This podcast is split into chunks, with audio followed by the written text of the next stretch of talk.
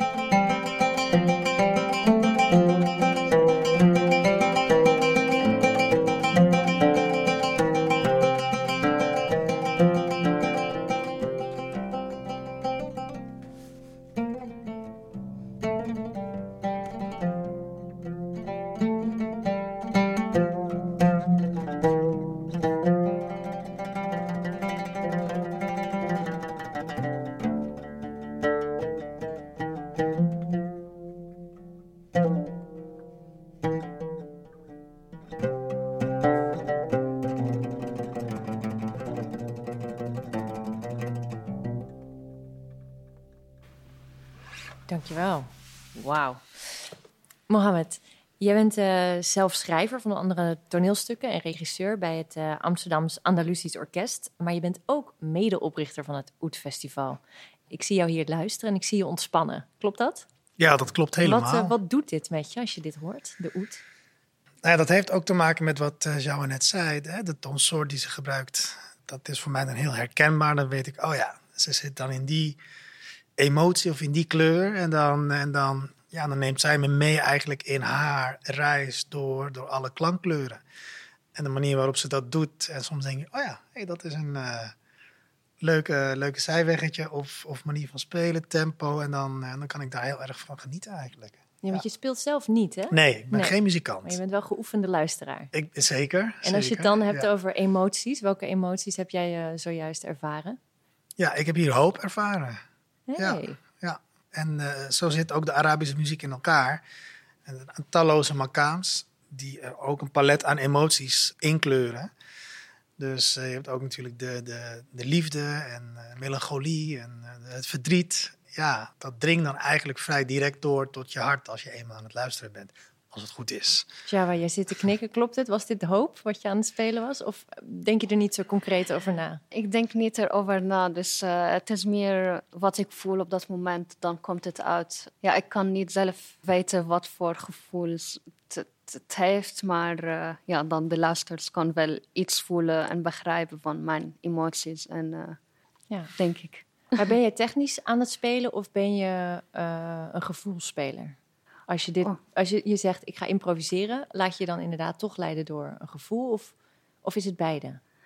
Ik denk dat het, uh, dat het wel beide is, want er zijn ook een, een beetje bepaalde regels die ik uh, moet uh, houden en volgen. Maar ik volg ook mijn gevoel dat ik, ja, dat ik niet echt nadenk over de noten, maar meer over de kleine regeltjes. Maar daarna ja, speel ik wat er wat er uitkomt uh, van mijn gevoelens en mijn ideeën. Hmm. Ja. ja. mooi.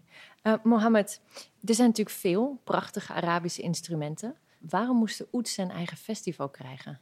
Nou, om dat even goed uit te leggen, hmm. uh, neem ik jullie even mee terug naar 2011. En met, een, met een aantal vrienden hebben wij het Amsterdamse Andalusisch Orkest opgericht. en het orkest is een orkest, dus je speelt muziek, maar dat was eigenlijk ons vlaggenschip van een platform wat we graag wilden ontwikkelen, waarmee we nieuwe verhalen wilden vertellen. We voelden ons niet helemaal thuis in het cultureel landschap in de zin van, uh, van hoe wordt je eigen, eh, hoe wordt de, de, cultuur waaruit je voortkomt gepresenteerd en welke verhalen die je van huis uit mee hebt gekregen, hoe komen die, hoe krijgen die vorm? Want en wat miste je? Alles eigenlijk, als ik eerlijk ben. Als we het hebben over de Arabische cultuur, dan komen veel mensen in Nederland bijna niet verder dan duizend en één nacht. Maar duizend en één nacht is een sprookje. Dat is mm. niet de rijke Arabische, Noord-Afrikaanse en, en, en Midden-Oosten cultuur. Uh, voelde ons toch de behoefte om, om dat verhaal te gaan vertellen. Omdat wij zelf ook roots hebben in Noord-Marokko en daar dan ook weer roots hebben in, in, in Andalusië herontdekten wij en ontsloten wij een wereld van, uh, van muziek en cultuur die dus tussen het jaar 700 en uh, 1500 in het, op het Iberisch Schiereiland is ontstaan. En daar, daar was het Amsterdamse Andalusisch Orkest mee begonnen. Van oké, we, hebben, we hebben muziek, maar de muziek, de Andalusische muziek, Arabo-Andalusische muziek, zijn, zijn, het is een samenspel tussen tekst en muziek. En die teksten betekenen heel veel. Maar ook de muziek, de manier van spelen. Nou, de makams die we net hoorden. Maar ook de, de hoofdstukken bijvoorbeeld. Bestaan uit 11 uur, 12 uur muziek. Hè? Nobet uh, uh, noemen we die hoofdstukken. En dus we wisten dat als we de muziek wilden laten leven hier in Nederland... dan moesten we het verhaal daaromheen vertellen. En, en als je verhalen vertelt, dan ben je ook op zoek naar helden. Je bent op zoek naar symbolen, maar je bent ook op zoek naar metaforen. En, en omdat muziek niet liegt kwamen we eigenlijk vrij snel uit op de, op de oet. Als een soort uh, mythisch instrument van deze cultuur, van deze, van deze geschiedenis. Omdat het eigenlijk prachtig weergaf uh, wat wij voelden. Want de oet lijkt een exotisch instrument. Maar als je kijkt in de geschiedenis, dan denk je, hey, wacht eens eventjes. Het heeft aan de basis gestaan van, vrij veel instrumenten en muziekstromingen die we hier in Europa kennen. Hmm. En uh, dus ja, de oet vonden wij uh, moest eigenlijk uit Duizend en één nacht gehaald worden. En, en hier gepresenteerd worden als een volwaardig, uh, rijk en, en zeer waardevol instrument. En toen wisten we, nou, dan moeten we hier gewoon een oetfestival van maken. En te meer we er ook achter kwamen dat hier in Nederland gewoon oetmaestro's woonden. Uh, onder de rook van, uh, van Utrecht, van Rotterdam, hier in Amsterdam. En ja, niemand kent ze als je ze op straat ziet lopen, maar in de muziekwereld genieten ze veel uh, aanzien en respect. Dus het was allemaal. Ja, we voelden aan alles dat we een festival moesten oprichten. En de oet was eigenlijk het enige instrument wat zich op dat moment zo mooi daarvoor leende. Ja. Wat ik nou zo bijzonder vind, hè, is, ik zit nu naar jou te kijken en ik zit een beetje in te schatten hoe oud je bent. Um, maar je, je bent jong, want uh, ik zie nog geen rimpels. Hoe, hoe oud ben je? Ik ben 37. Echt? Oké, okay, nou, een hele goede huid. Ouder dan je dacht. Oké, okay. ah, wijze ziel. Maar nog steeds jong, onder de 40. En ja. uh, je bent dus een guy die hier opgroeit en die gaat dan naar muziek zitten luisteren van tussen 700 en 1500. Dat is toch heel bijzonder? Misschien wel een beetje weird. Um, meeste Weet ik niet. Ja, dat, leeftijdsgenoten ja, luisteren naar rap of... Uh, ja, ja, ja, ja, ja. Nou, ik ga niet pop. zeggen dat ik vanaf mijn, uh, vanaf mijn tiende in de klassieke muziek zat of zo. Hoe is die op jouw pad gekomen? Kreeg je dat van huis uit mee? Of? Kijk, het oprichten van het Amsterdamse Andalusisch Orkest ging gepaard uh, met verschillende ambities. Er waren twee jongens, dat waren muzikanten, die waren net de Arabo-Andalusische muziek aan het spelen. Dat was ik. Ik, was, ik wilde gewoon een verhaal vertellen. En, en over een uh, geschiedenis in Europa die ik net had ontdekt. Mm. En, uh, en dat kwam dan heel mooi samen. Dus in die zoektocht samen uh, dook ik ook in die muziek. Maar mijn behoefte was geboren uit het feit omdat ja, het ontsluiten van, van erfgoed, van, van, van nieuwe verhalen. Nou ja, oude verhalen moet ik zeggen. Maar op een nieuwe manier gebracht. Ja, ja, ja dus, ik, dus, voor mijzelf is het niet heel bijzonder of heel, heel raar. Het is uh, ja, een vorm van emancipatie, empowerment, hoe je het ook wil noemen. Het, het herijken van je eigen persoon, van je eigen identiteit. Ja. En uh, dat heb je hier in Nederland natuurlijk ook heel erg wel nodig. Hè? Dat je dus ook wel op bepaalde momenten even je identiteit moet herijken. Van wie ben ik nou eigenlijk precies? Kijk, want ik ben hier geboren. Overduidelijk met geen Nederlandse naam maar wel vol in de Nederlandse samenleving met alles wat daarbij uh, komt kijken. Dus ja, wie ben je precies is een vraag die je consequent eigenlijk aan het beantwoorden bent. En, uh, en de oet en de muziek, dat helpt mij enorm daarbij om uh, de rijkdom van je identiteit ook lekker vast te houden, echt waar. Zeg maar. En te ja. vieren en te delen. En te vieren en te delen. En dat men ook kan zien van, hé, hey, eigenlijk is die oet ook wel van ons. Hè? Ja als mensen naar het Oetfestival komen kijken. Het is helemaal geen exotisch instrument. Ja. Ik snap het, ik snap het. Je hebt een stuk muziek uh, meegenomen als voorbeeld van hoe het in het hier en nu staat. Gespeeld door uh, Moemir Bashir. Vertel even waarom je dit hebt gekozen. De oet is uh, een heel oud instrument, maar werd gespeeld als onderdeel van een orkest. Onderdeel van, van een groter ensemble. En het was eigenlijk in de 20e eeuw dat Munir Bashir, en uh, kwam uit Irak. hij was degene die in staat was om de oud als solo-instrument geaccepteerd te krijgen. Zijn manier van spel, zijn, ja, zijn spel met, met, met de toonsoorten, maar ook zijn openingen naar westers klinkend repertoire. Dat maakte dat Munir Bashir eigenlijk de, belangrijkste oetspeler van de 20e eeuw was. Ja, jij zei, uh, dit is een prachtig stuk. Wa waarom moeten we echt precies juist dit stuk van hem luisteren? Dat is persoonlijk een van mijn favoriete stukken van hem. Ja, hij gebruikt de, ritme van 5 achtste, die echt heel warm en heel ja, normaal en traditionele uh, ritme is. Als je dat uh, hoort, dan wil je ook een beetje luisteren en uh, meespelen. Wat ik heel mooi vind nu je het zo uitlegt, is dat je zelf ook meteen al begint mee te deinen. Dus je hoort het al in je hoofd. Ja, ik hoor het en ik hoor de ritme, dus dan... Ja. Ga je meteen bewegen in het ritme. Precies.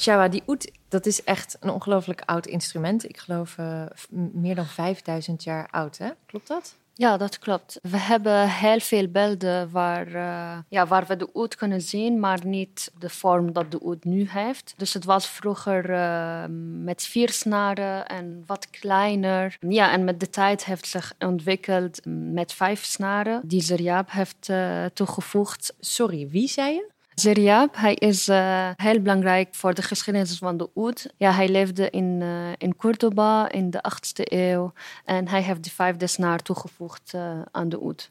Ik zie jou meeknikken. Ja. Ik heb het gevoel dat jij er een heel dramatisch en spannend verhaal bij hebt.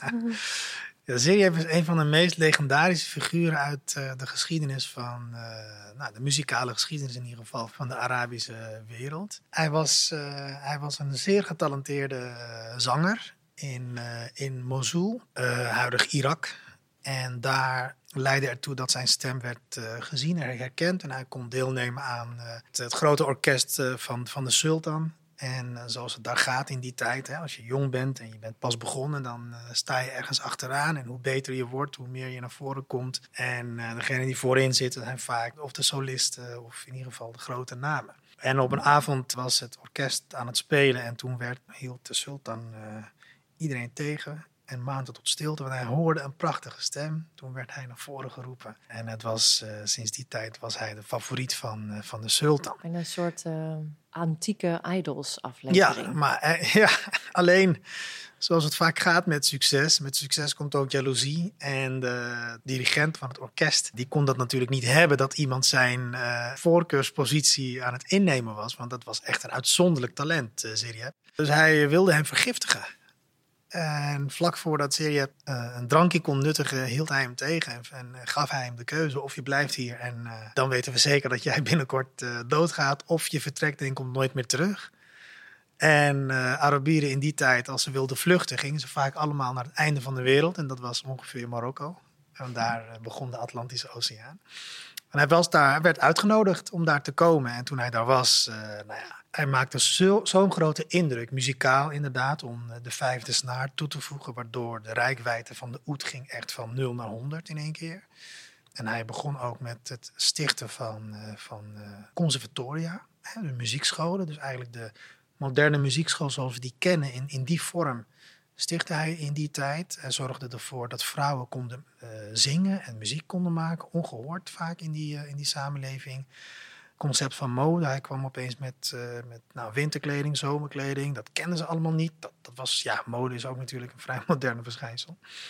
Dus op, op een immense impact heeft hij gehad op de muziek en op de cultuur. En, uh, en, en, een en eenmansrevolutie. Ja, eigenlijk wel. Maar goed, dat is het verhaal van Zeriab de legende. Of Zeriab de historische figuur net zoveel impact heeft, weet ik niet. Maar eh, de, de, legende is in ieder geval. Uh, Prachtig. Maar weten wel dat hij uh, muzikaal gezien heel veel heeft betekend.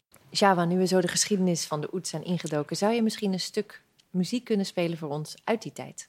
Ja, ik ga een lied spelen uh, gecombineerd door uh, een Syrische uh, muzikant die Khaled Abu Nasser heet. Geschreven ook door een Syrische dichter. Het gaat over liefdesverdriet eigenlijk. En ja, zo.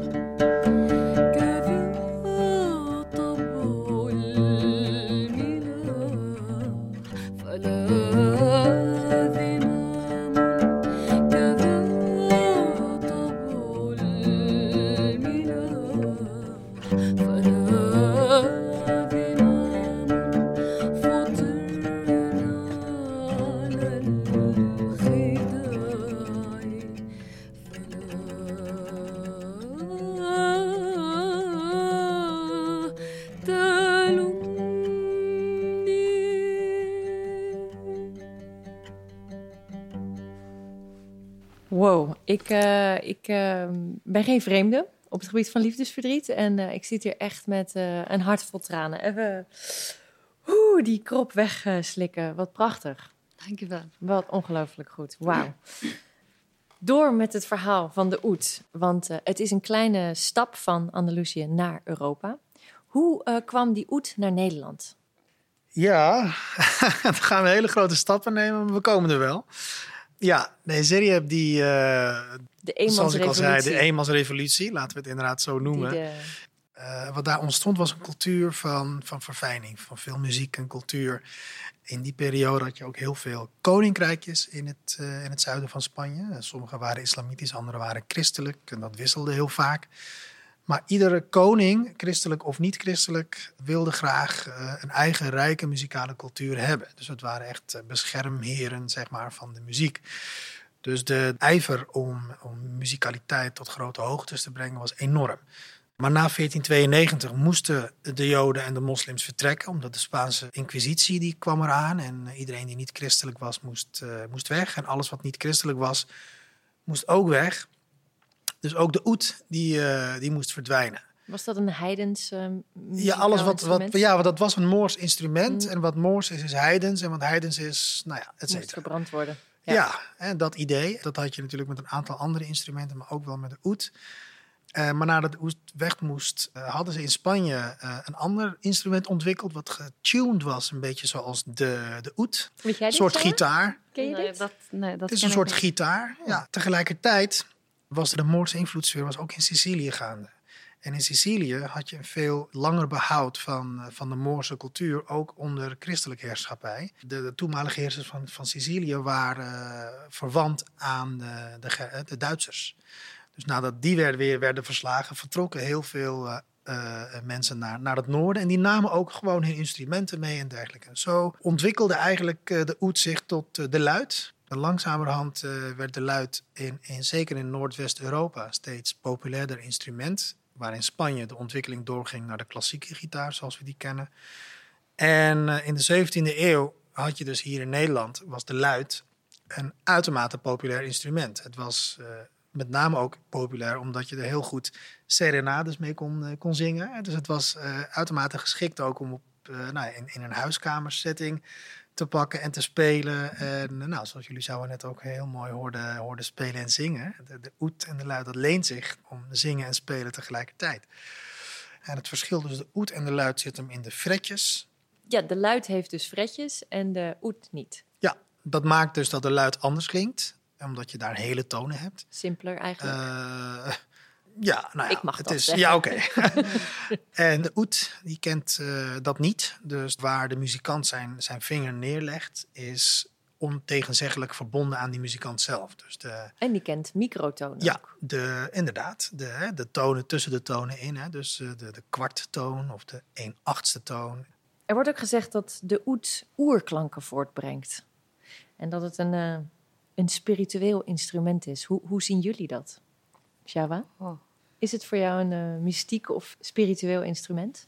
Kijk, het is wel iets die bij mij, mijn gevoelens hoort, maar ik denk niet zo op die mystieke manier, zeg maar, als ik oud speel. Ah, ik zou bijvoorbeeld wel kunnen zeggen de tarab. Hè, dus de, Ja, tarap, ja. Maar de tarab is een mooie term waarmee je dat misschien kunt uitleggen. Dat is de, Precies, ja. de, de staat tussen de, de relatie tussen publiek en, en, eh, en, en muzikant. En dat je dan, dan bereik je een soort symbiose en dan, De sta- van ja, de dan muziek. stijgen we met z'n en- allen ja. boven. Hè? Dus de, de, we kennen het ook wel. Kijk, dat is ook iets wat in Spanje is achtergebleven. Alleen in de flamenco kennen ze dat als het duende. En dan spelen ze net zo lang door, totdat ze dan in een soort trance terechtkomen met z'n allen publiek en muzikanten. Kijk, en dat, dat heeft de oud wel. Ja, en Oud, Arabische ja. muziek in het algemeen. Ja. Ja, zoiets heb je. Dat. En het is ook heel belangrijk dat je de tarap-gevoel aan, Ja. aan je publiek geeft. Want Ja. anders kunnen ze niet echt genieten of niet echt voelen. Ja. Maar eh, als je dat gevoelens geeft, dan eh, ben je echt eh, de top. Dat tarap gevoel, dat, eh, dat wil natuurlijk elke muzikant teweeg brengen. Ja, natuurlijk. Kan een instrument culturen verbinden? Of is het toch meer elkaar aanhoren en eren? Wat denk jij, Mohamed? Ja, ik kan het alleen als buitenstaander eh, zien. Maar ik, denk altijd dat muziek niet liegt. Als ik twee muzikanten van verschillende hoeken bij elkaar zie komen, dan connecten ze altijd wel. Maar daar kan misschien jou het, het beste over vertellen. Wat voel, je, wat voel je als je speelt met iemand met een hele andere cultuur op zich? Ja, het instrument en muziek in het algemeen is eh, altijd een taal voor mij waar ik met heel veel mensen, mensen kan communiceren. En ja, soms begrijp je elkaar niet altijd, maar als je toch samenspeelt, dan heb je zo'n eh, internationale taal, laten we het noemen. En eh, ja, je deelt ideeën en je, je kan beter iemand eh, leren kennen door de muziek. Dus ja, je kan heel veel connecties maken en dan je kan heel veel van elkaar leren ook. Ja, ik heb heel veel gespeeld met andere muzikanten en ik voel nu hoeveel ik heb geleerd van hun en dat ik andere klanken heb in mijn hoofd dan alleen de Arabische klank en zij ook. Dus ehm, als iemand komt en zegt, ja, ik vind het heel jammer dat ik geen kwartnoten kan spelen op de piano, dan is het wel er is iemand die wel heel erg geïnteresseerd in jouw muziek en jouw cultuur en ook andersom. Dus ehm, ja, we leren heel veel van elkaar. En, eh, Kun je een specifiek voorbeeld eh, geven van wat jij hebt geleerd van westerse muzikanten? Ja, ik speel met, eh, met Caravan. Eh, het is met een pianospeler en een, een violist en een drummer. En ehm, ja, gewoon, ik heb eh, een beetje geprobeerd hoe ik de kwarttonen toch kan spelen in een, een harmoniecontext. Dat, eh, dat ze bijvoorbeeld de harmonie spelen en met akkoorden en dat ik toch eh, de kwarttonen kan blijven spelen. Eh, daarvoor was het voor mij, oh nee, nee, het gaat zeker niet lukken. Maar met he- heel veel repetities en heel veel samenspelen, dan ja, kon het gewoon. Dat heb ik geleerd en ook een beetje harmonie. Ja, hoe ik naar de muziek anders kan luisteren en andere arrangementen en alle die kleine details.